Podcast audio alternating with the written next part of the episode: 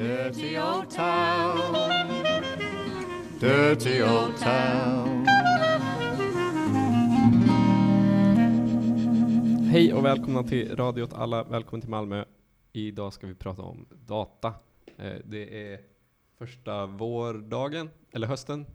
Första vårdagen tror jag. Vårdagen ska jag säga. Jag har ingen, ingen aning om Man, skillnaden. man kan ändå gå ut utan mössa. Ja. Det är vår för mig. Nu är, nu är det vår, det är varmt ute, vi ska prata data. Eh, och det, idag är det jag, Fredrik, och Eh, Erik, eh, vi har eh, ett, ett späckat schema. Vi ska prata om det jättekrångliga ämnet data i Malmö. Liksom.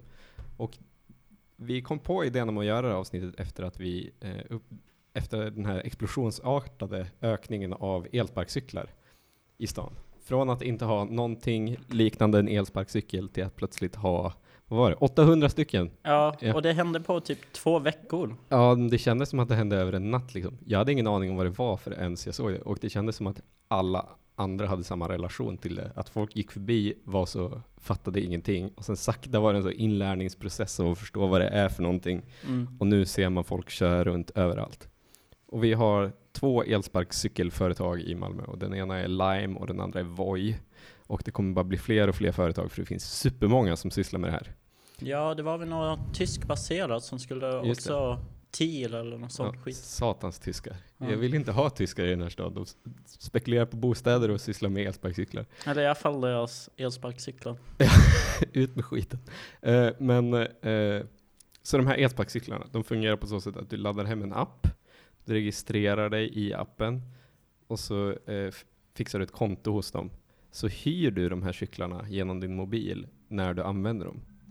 Ja, men det här är ju bara halva delen av hur de funkar. Ja, För men det, den, det är så det funkar liksom om du ska använda den. ja, men sen så är det ju också ett gäng som måste ladda de här sparkcyklarna. Ja, så kallade hunters. Men eh, vi återkommer till det lite senare. Först ska vi liksom prata om vad de här maskinerna gör när man använder dem. Liksom. För, för de här maskinerna är en del av eh, vad man tenderar att kalla på kommunspråk för smart cities. Och det har vi pratat kort om innan. Då var det bara att jag skämtade och drev med konceptet.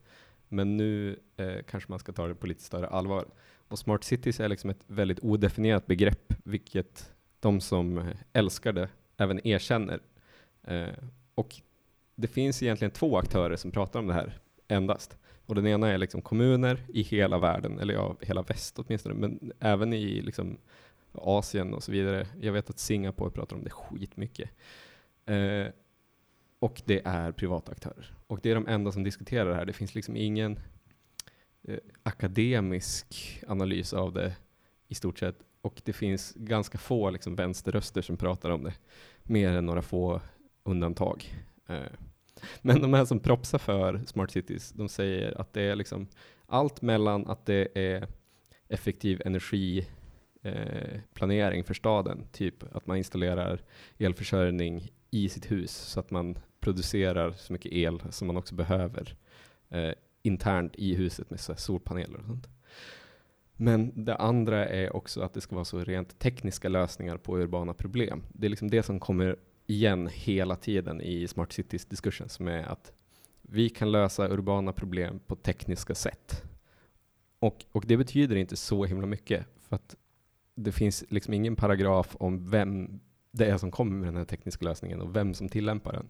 Vilket är läskigt men också lite intressant. Men, men har du något exempel på vad sådana lösningar skulle kunna vara? Alltså i Malmö har vi ju, för det första har vi sparkcyklarna liksom, och det är privata aktörer.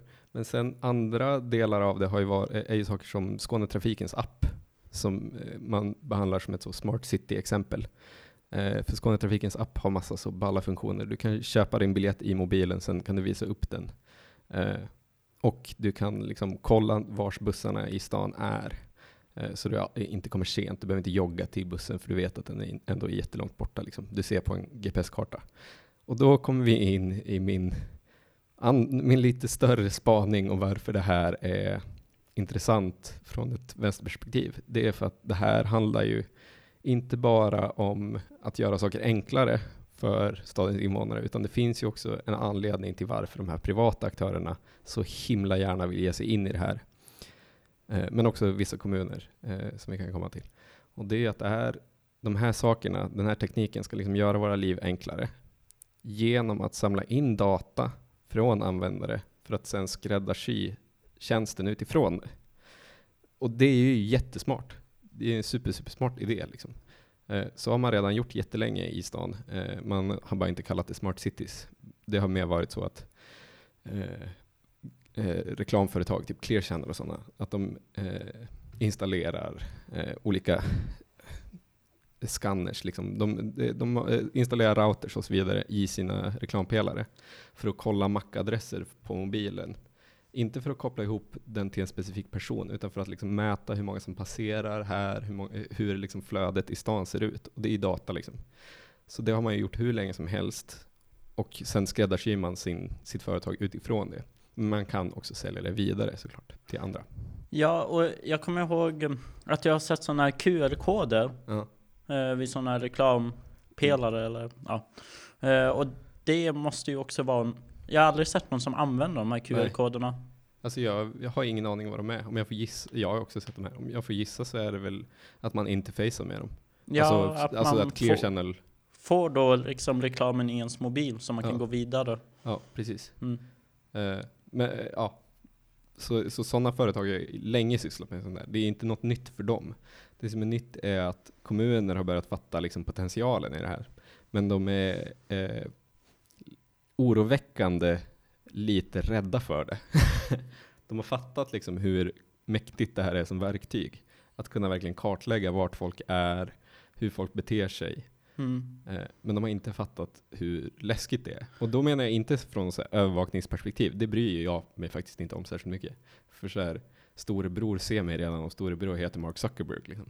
Jag är inte orolig för att vad heter det, Google ska veta exakt var jag är. Jag är orolig för att Google ska veta exakt var jag är och sen ha den resursen och kunna göra vinst på det. Det är mest det som jag verkligen tycker är ganska äckligt. Liksom. Och det är exakt samma sak med de här elsparkcyklarna, för att koppla ihop med det, är ju att de har ju GPSer i sig såklart. Och de samlar ju in enorma mängder data från alla deras användare. Eh, och vad de gör med den sen, det är helt upp till dem själva. Eh, så de har, det finns liksom inga problem för dem att sälja det vidare om de vill. Man tror att GDPR ska skydda en från det. Men i, i praktiken så blir det inte så eftersom att man har signerat på det här jävla användaravtalet. Liksom. Eh, och, och från ett så här personligt indignationsperspektiv så tycker jag det känns konstigt att, att staden är en datagruva. Liksom. Att, att staden, att den här informationen inte bara sparas och används för att förbättra vardagen för människor som bor här, utan att den kan användas som en ren resurs. Liksom. Den är bara guld. Liksom. Vi kan sälja den vidare. Det hade varit, jag vill hellre se data som ett verktyg än en resurs. Liksom. Det hade varit ett, ett härligare. Ja, och jag tänker liksom när kommunen implementerar sådana här smarta lösningar så är det ju mycket att de framhäver det som en resurs. Alltså, ja, Ja. men e- ett exempel jag tänker på är ju liksom användningen av typ tvättmaskiner och så. Eh, för liksom, om man börjar kartlägga eh, användningen av tvättmaskiner eller bara ens hushållsel, Mm. liksom, och de flesta har ju en digital elmätare nu för tiden. Ja. Då så kan ju elbolagen Mm. reglera liksom Mm. när sak, ja, och även de kommunala bolagen. Det är ju det som har mycket varit tanken bakom elbilar. Ja. Att de ska laddas på natten och så Mm. får man ett jämnare flöde av Mm. liksom elkonsumtion i Mm. nätet. Och det är inte dumt liksom. Det är inte alls dumt. Det är mest det att eh, det är ett så vårds... Ja, jag vet inte. Det, det blir på något sätt, eftersom att den här datan är värd saker. Den här datan går att sälja vidare. Den är liksom inte bara... Det är inte bara siffror som bara ligger på en server, utan den blir värd någonting. Eh, och på grund av det så är det någonting som skaver så extremt mycket. Att det blir som att man, när man vandrar runt i den här smarta staden, att man då också är producent av värde till någonting man absolut inte själv får ta del av. Utan det blir bara att det är jättestora företag, med Clear Channel, jävla Voi, jävla Lime, de här tyskarna, att det, att det är sådana företag, och det finns ju oändligt mycket fler exempel, Google och så vidare, Amazon, att, att det de drar vinst bara på min existens. Och inte bara min, utan hela stadens. Liksom. Alla som bor här. Det är någonting instinktivt fel med det. Mm. Nej men verkligen. Och jag, jag, tänker att ett alternativ till det hade varit att liksom diskutera andra lösningar, andra sätt att se på data. Att det hade kunnat gå att eh, demokratisera datan, liksom. göra datan till en allmänning på något sätt. Och sen försvara den. Att man kan liksom eh, som kommun samla in data och sen förändra hela sin verksamhet utifrån den, för data är extremt mäktigt. Liksom. Det är ju, eh, det är ju bara, alltså det är data som kommer styra vårt, våra liv i framtiden. Liksom. Det är ingen, ingen fattade det förrän Steve Bannon fick in Donald Trump genom till viss del Facebook. Liksom. Ingen fattade ju hur viktigt data var innan, förrän bara några år sedan. Liksom. Och nu är det, känns det bara som att varför ska man någonsin göra, fatta små liksom, vardagsmässiga politiska beslut utan att också samla in skitmycket data inför, inför det. Liksom. Det är världens smartaste lösning. Ja, jag, jag tror um, för, ja, för liksom myndigheter och kommunala politiker så är väl snarare problemet att man väldigt, eller pro, risken man har när man samlar in stor, en stor del data är ju också att man tappar den, alltså att det blir en läcka. Och varje dag så var, upptäcker man ju att det har varit en läcka på, ja, vad var det, 1177? Ja, det är så privat ja. vårdbolag som tar telefonsamtal. Som råkade hosta alla deras eh, sparade samtal öppet på internet. Ja. Det är ett så klassiskt dumt dataproblem som sker just när man låter privata aktörer ha ansvar för det. Om man däremot ser data som en så samhällsnyttig resurs eller verktyg som det faktiskt egentligen borde ses, då måste man ju vara så, det här ska inte privata aktörer få tillgång till. Liksom. Tänker jag. Ja, det är väl liksom ett problem både rent lagstiftningsmässigt, att den mm. måste, bo, datan borde skyddas mycket, mm. mycket hårdare och yeah. inte liksom vara möjlig att sälja vidare. Ja. Men samtidigt också liksom att man måste, ja, för all, ja men liksom i liksom någon sån allmänningssätt kunna använda datan. Mm. Och för, ja, vi behöver ju ändå på något sätt, tänker jag, för, liksom använda den för att förbättra saker. Mm. Men för det skapar ju också ett jättekonstig, en jättekonstig situation för just kommuner och eh, regioner och stater när man har det här super, supermäktiga verktyget. Men de som äger den är privata företag som då också kan ta i stort sett vilket pris som helst. Nu säger inte jag att de, det här har hänt, jag vet inte om det här har hänt, men det finns ju ingenting som säger att de inte bara kan ta hutlösa mängder pengar för det här, just eftersom att det är en så extremt dyrbar resurs. Den här datagruvans guld liksom, är ju inte, det är inte bara skräp, utan det är det är ju rent guld. Annars hade inte alla just nu liksom försökt hitta sätt att få in det som en del i sin verksamhet. Liksom. Typ Amazon lever ju på data nu och sälja data och insamla data. Från att ha varit en så pytteliten bokaffär på internet. Det är fan inte en bokaffär nu. Liksom. De äger ju halva internet. Det är samma med Google. Google gick från att vara en sökmotor till att nu bara vara en så enorm datamaskin liksom, som bara spottar ut sig och samlar in liksom, det är världens två just nu mäktigaste företag. Liksom. De är, det är inte, det är inte eh, små grejer det här. Liksom. Eh, man låter ju lite som en konspirationsteoretiker när man tänk, pratar om sådär. Ja. för, för, man låter ju verkligen som en sån. Så Google vet exakt vad jag gör. De kommer plocka mig. Men det skiter jag ganska mycket i. För att så är det ju redan, har varit så ganska länge. Sen första smartphonen liksom. Jo, verkligen. De håller ju koll på en. Mm, och Google har inte eh, gjort något mot mig än. Eh, de inte vad du vet De har inte kidnappat mig. In a future, we locked on him. where those who control the information control the world. I've been charged with recovering the head of the mnemonic courier. Everyone wants what is stored in Johnny's head. Om vi då ska återgå ännu mer, för det här är ett enormt tecken på tiden. Men ett annat tecken på tiden är ju liksom hur de här sparkcyklarna fungerar när de inte bara är datainsamlare, när de inte bara är en rörande GPS och eh, informationsuppsamlare. Det hade för övrigt inte förvånat mig, nu är sidospaning, om de här jävla eh, eh, sparkcyklarna. Man vet ju inte vad, exakt vad som är i dem. Liksom. Det hade inte förvånat mig om det inte är en liten router där inne som samlar upp MAC-adresser eh, från alla mobiler runt den. Liksom. Uh, bara, för, bara för att kunna se exakt hur många människor det är överallt. Liksom. det, för det är, inte, det är jättelätt att installera en sån, den tar typ ingen el. Men om vi då ska prata om de här arbetsförhållandena för de här stackars huntersen. Ja, så deras, deras arbete utgår på att, eh, ja men på kvällarna rimligtvis, när el, elen i batterierna i de här sparkcyklarna håller på att ta slut. Mm.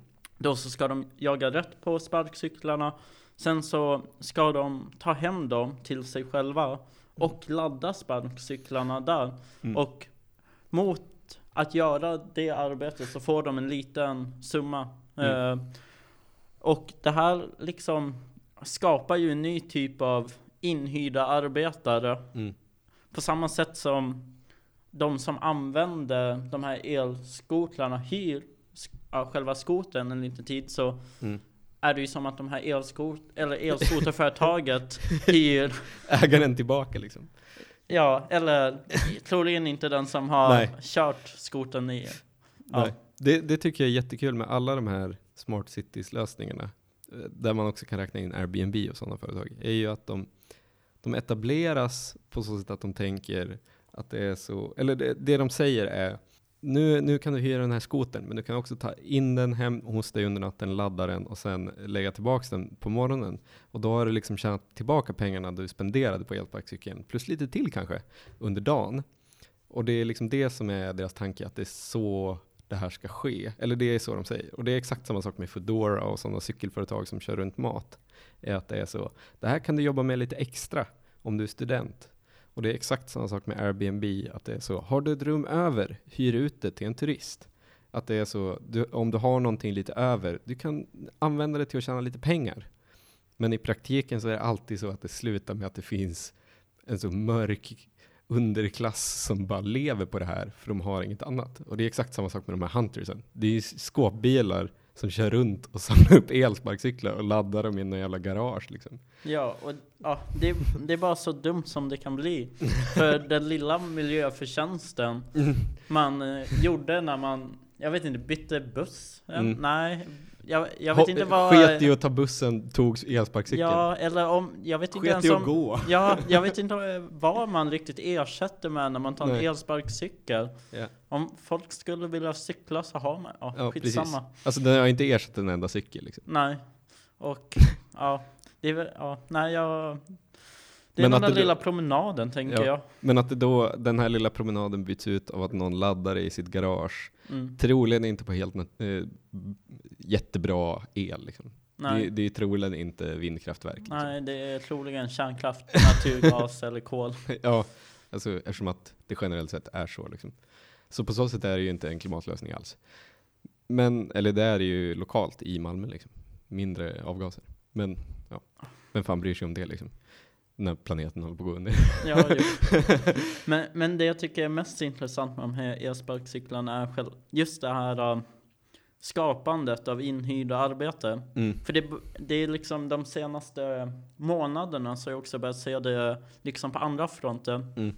Och det första var att jag läste en artikel om eh, det här bandet Ghost. Mm, som är hårdrock. Ja, hårdrock. Hårdrocksballad, jag vet inte, power någonting. Ja. Det låter ganska fett. Ja. Det låter inte tungt, det låter fett. Ja, mer ballad kanske, men ja. inom typ, ja. Och de har masker på sig och mm. liksom en stor urklädnad. Och grejen, vad, vad det var som väckte mitt intresse, det var att alla bandmedlemmar i det här bandet hade stämt eh, sångaren. Mm. För han hade, eh, ja men han hade ju tagit den stora delen av kakan som mm. de, man, de hade under flera år drivit in till det här bandet. Eh, och då så stämde de honom för de menar att de var medproducenter av den här musiken. De var också med i det kreativa arbetet. Det kan man ju tänka sig att basisten har ju faktiskt tillfört någonting. Gitarristen med. Ja, Trummisen med. Rimligtvis. Men domstolen gick på sångarens linje och ansåg att de här äh, andra bandmedlemmar var bara inhyrda arbetare som har bara stått i en mask och spelat. På samma sätt som en maskinoperatör står i en uniform och trycker på en knapp. Alltså, det är liksom den logiken. Och eh, för några dagar sedan såg jag också en minidokumentär på SVT om det här fruktansvärda bandet Dolly Style. Alltså jag kan inte uttala deras namn utan att måste säga att det är fruktansvärt. För det är liksom, det känns under mig att bara sett den här dokumentären. Men den var väldigt bra för eh, skaparen av det här konceptet Dolly Style, hon i den här dokumen dokumentären pratar om att hon vill skapa en franchise. Det ska bli som McDonalds. Alltså det ska finnas Dolly Style band i alla typ länder i princip.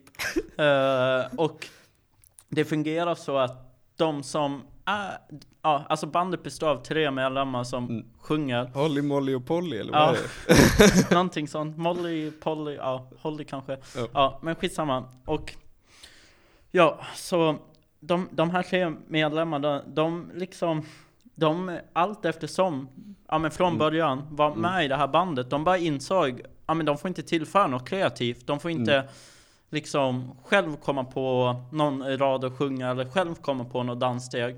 De bara insåg att de var där för att utföra Mm.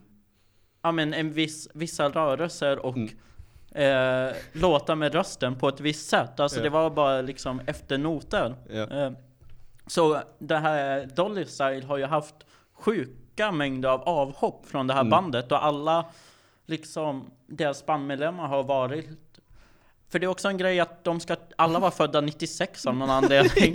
Så alla liksom är ju ganska nya i gymnasiet, har väl en hopp om en sångkarriär, vet att de kommer få vara med typ i Melodifestivalen någon gång med här. Men sen inser de, ja men det här är ju ingen liksom Jag är, kreativt jag är arbete. typ en robot. Ja, Men det, det är som att man, när man har sett den här så känns det som, eller jag har inte sett det, men jag tänker att det är som att när man då ser dem på scen på Melodifestivalen så är det som att se någon ladda en Voi elsparkcykel på Melodifestivalens scen. Det är liksom samma feeling man får tänker jag. ja och jag tycker att den här äh, Ja men jag tycker den här liknelsen med en robot är väldigt bra för dels så har de faktiskt lite robot äh, Utseende. Nej men, ja men dels lite robotutseende men också främst så har de lite robotrörelse. men, men eh, deras utseende ska vara en blandning av 60-tal, docka och viktorianskt. Ja, det, Ja, det är en väldigt udda, ja. eh, men det är ja, bara något man kan tvinga någon att göra. ja. Men, men det ska vara liksom väldigt mycket en utklädnad bara. Ja. Så att de aldrig liksom blir personen bakom den här utklädnaden. Alltså Nej. för, för det är ju ofta det som har varit grejen med band, att Att alla medlemmar i ett band har sin Ja. unika personlighet och det är ju därför de inte heller går att byta ut. Nej. Men då har liksom musikvärlden allt mer och mer kommit till den här lösningen. Om vi bara hittar på roller som de måste anta, då så kan vi också sparka dem lite när vi känner för det, för vi kan Ja. alltid sätta någon annan på den platsen. Så Holly, Molly och Polly har Ja. nu bytt, bytt av. Det är nya Holly, ja, Molly och det Polly. finns till och med en, eh, en sån här chart eh, på Wikipedia bara för hur man ska kunna hålla rätt på när och vem det var som bytte. Som blev den nya Holly Ja. liksom. Det har ju växt liksom till det här monstret vi ville att det skulle bli på något sätt. Det är ju inte klart än. Nej, Det är ett litet monster än. ett litet Det monster. ska bli ett stort monster. Jättestort monster ska det bli. Jättestort monster ska det bli. Jättestort monster ska det bli. Ja, Men ja, det, det sitter ju jättemycket ihop med det här, just att det är så att det är så här den nya arbetsmarknaden ser ut. Liksom. Att du är utbytbar fullständigt. Att till och med våra Melodifestivalen-musiker kan bara Nej, du är inte Tommy Körberg längre. Det här är den nya Tommy Körberg. det är liksom inte helt otänkbart. Eh, vi gillar inte dig, du är den gamla Tommy, du får byta namn. Alltså att det är på den nivån. Att det i praktiken är så. Holly, Molly och Polly har ju bytt ut liksom. ja. Inte ens Tommy Körberg är säker. Men, men att, det är, att det är liksom från toppen till botten. Att det är så, du är utbytbar. Även de här huntersen liksom, de har inga arbetsvillkor. Det är bara att de trycker, eh, checkar av att de laddar en eh, jävla elsparkcykel, så här, arbetsplatsolyckor, sker det så är det, ju- det är på din fritid. Liksom. Det finns ingen arbetstid. Ja, och, och det är ju där jag tycker det är så intressant. För några år sedan så fanns det ju de här uh, hoverboards. Mm.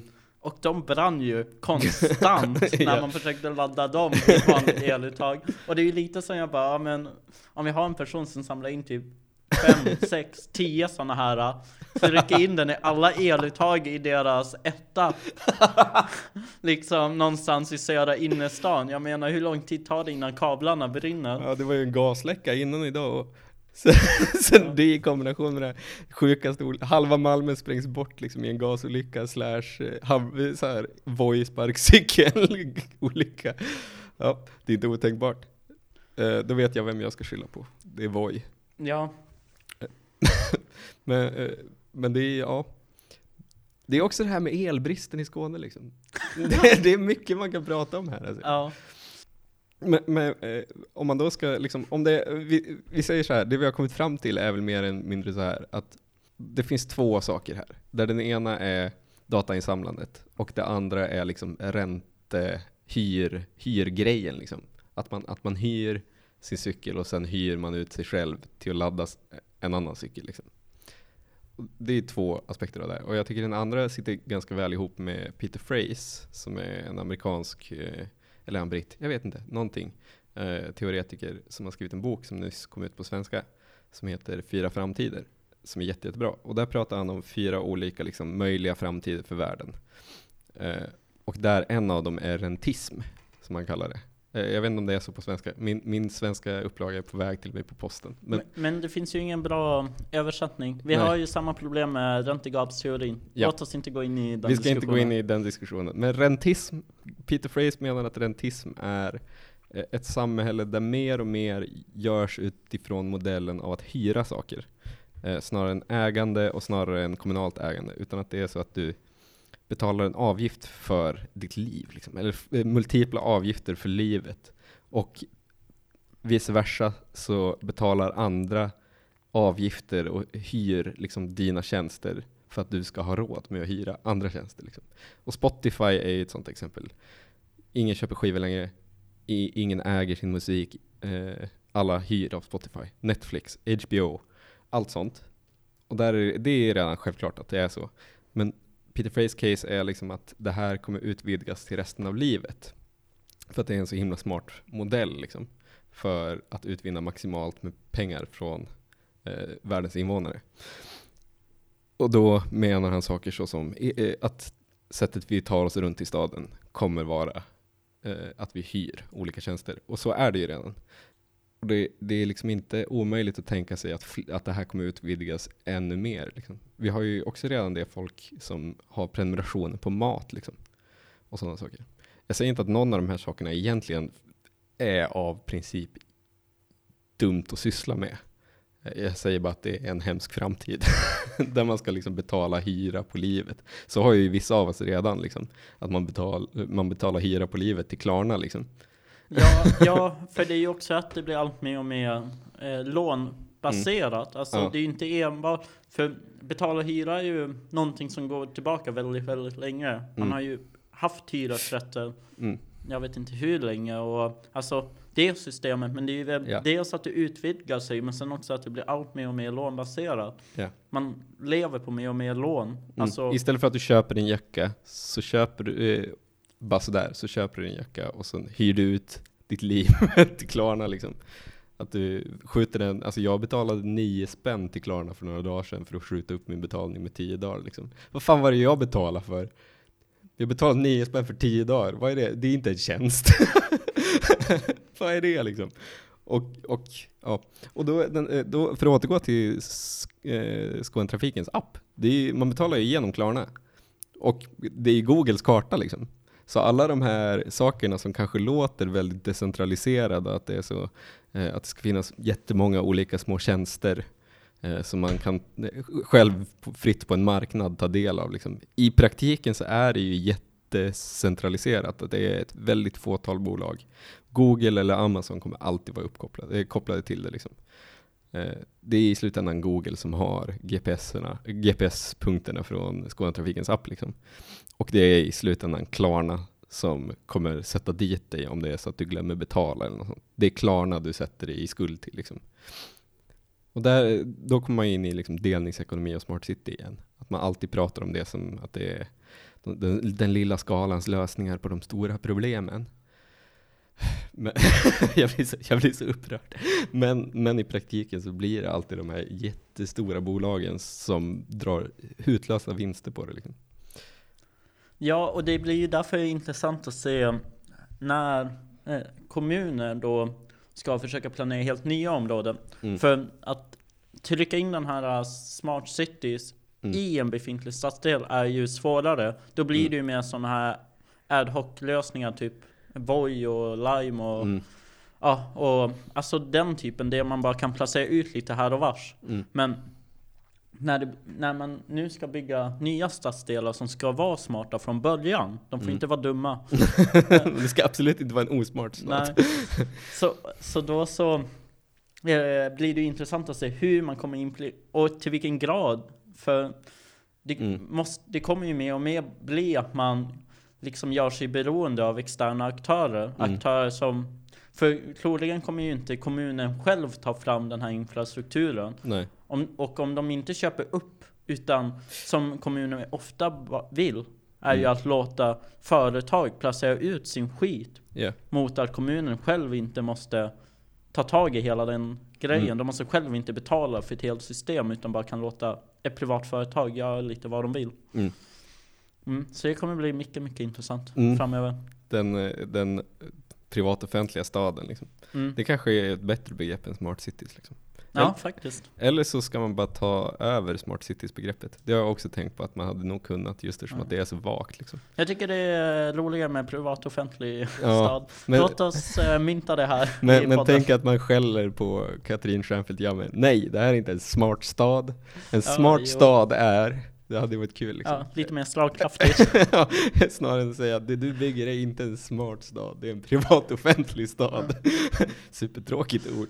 Eh, men eh, eh, har du sett att Carl Bildt har kört en Voi? Ja. Jag googla på Carl Bildt Bra. Voi för en rolig bild. För han sparkar liksom. Han ser- kör inte bara, han Han har sparkar. inte riktigt fattat. det är för många knappar. Alltså, jag har aldrig kört en sån här för jag, jag har blivit paranoid av researchen inför det här. Jag tror det var någon praktikant som fick koppla upp Carl Bildt till Ja. den där sparkcykeln. Carl Bildt, ta en bild med Vi tar en bild på dig när du kör den här, det kommer se bra ut. Så, så gjorde det inte det. Men, men eh, det är en annan kul grej med de här elsparkcyklarna är att det finns ju liksom kultur av att ta sönder dem och Mm. fucka med dem. Och sparka ner dem. Extremt Fulla mycket. människor gillar att sparka ner de här. Då. Fulla människor älskar ju att sparka saker liksom. Ja. Eh, Men, men det finns ju ett, ett, eh, eh, ett Instagram-konto från San Francisco i USA där de här sparkcykelindustrin kommer. Det började med ett företag som heter Bird. Eh, och då finns det ett Instagramkonto som heter Bird Graveyard. Som bara är klipp på hur folk förstör sådana här cyklar. Och det, det är väldigt roligt just eftersom att det är, det är så svårt att sätta fingret på varför det här sker. Varför det finns en så extremt utbredd kultur kring att förstöra de här. I, I San Francisco är det jättelogiskt för de har typ tagit över stan. Det går liksom inte att gå på trottoarerna i stora delar av stan för det är bara en jävla massa birds liksom. Men, men det är kul att när någonting inte är något som någon äger. Alltså om jag tar sönder en Voi. Det känns inte som att jag skadar någon. Nej. för man, eller liksom det känns som folk drar sig för att paja en cykel. För där Ja. kan man alltid tänka, ja men det är någon som äger den här Ja, cykeln. det är någon stackare som jag Ja. nu förstörde vardagen Det för. är Liksom. någon som förlitar sig på den här cykeln. Ja. Men om det är en voice är det bara så, Ja. det är någon så god entreprenör. Man tänker sig inte på, man tänker inte ens på honom liksom. Mm. Man ser inte han och hans finanskapital framför sig när man sparkar ner den liksom. Och det tycker jag är ganska kul med de här sparkcyklarna, är att jag man förstår också då problematiken för rentismen. Alltså folk kommer ha så extremt låg respekt för alla de här grejerna. Om hela samhället är på entreprenad, eller så här, att man hyr ut dem, då är det ingen som känner sig liksom så här emotionellt något band till grejerna. Då är det bara så, jag kan sparka den här elsparkcykeln, jag kan sparka sönder den här, jag vet inte vad. vad mer kan man hyra? Toaletten som man måste betala inträde till. Ja, eller Airbnb-lägenheten. Ja. Som, eh, Airbnb-lägenheten som ingen gäng- bor i. Ja, som ett gäng studenter i Barcelona pajar Ja. innan de åker därifrån. Ja, alltså ja, absolut. Det är bara någon jävla spekulant som äger den här skiten ändå. Mm. Ingen bryr sig. Det är ändå hoppfullt. Så det kan vi väl ta med oss från den här podden. Att Ja. man ska ta sönder fler elsparkcyklar. Åtminstone slänga dem i en papperskorg eller någonting. Problemet är ju bara för alla de människor som förlitar sig på det här arbetet. Ja, ja, men vad fan. Dirty old town. Dirty old town.